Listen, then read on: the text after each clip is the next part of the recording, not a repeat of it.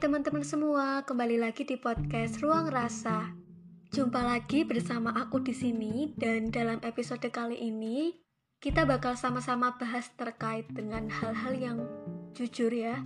Ini tuh adalah topik kedua setelah topik percintaan LDR yang paling banyak diberikan ke aku, diceritakan ke aku oleh pendengar podcast Ruang Rasa tentang janji manis-janji manis gitulah. Pernah nggak sih ya pernah kan ya? Apa sih? Belum juga tanya ya kan? Pernah nggak sih kalian tuh kayak sesimpel gini nih? Sebenarnya nggak usah janji-janji yang manis ya. Biasanya janji manis tuh identik dengan kita ada di suatu hubungan. Terus kita kayak udah dikasih tahu atau dijanjikan kalau suatu saat nanti kita akan hidup bersama dengan segenap apa yang bisa diusahakan olehnya dan lain sebagainya. Tapi sebenarnya janji manis itu nggak hanya bisa terjadi antara cowok dan cewek. In case bukan merujuk ke hal yang aneh-aneh, tapi dalam konteks yang berbeda-beda. Contoh dalam circle pertemanan sih kayak, ya udah ya besok mungkin ke depannya kita bakal bangun suatu perusahaan bareng, padahal kamu cuma dimanfaatkan. Atau kalian adalah pemberi janji manis itu. Tapi tunggu dulu deh, nggak usah terlalu jauh ke yang ranah janji-janji manis, tapi kita tilik dulu hal-hal apa yang ada di sekitar kita.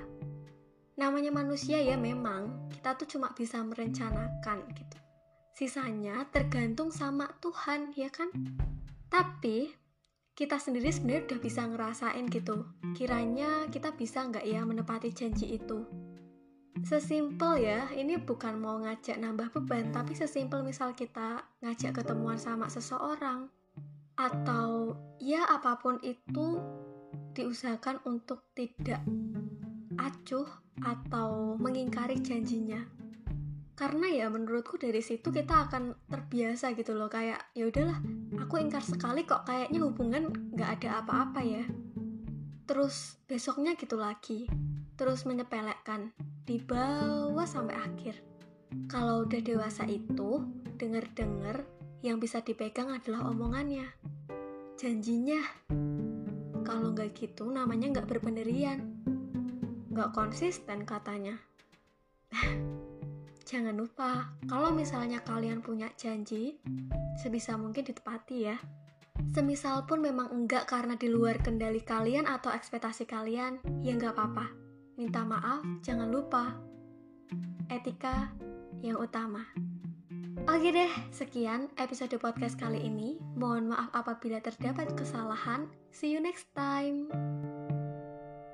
thank you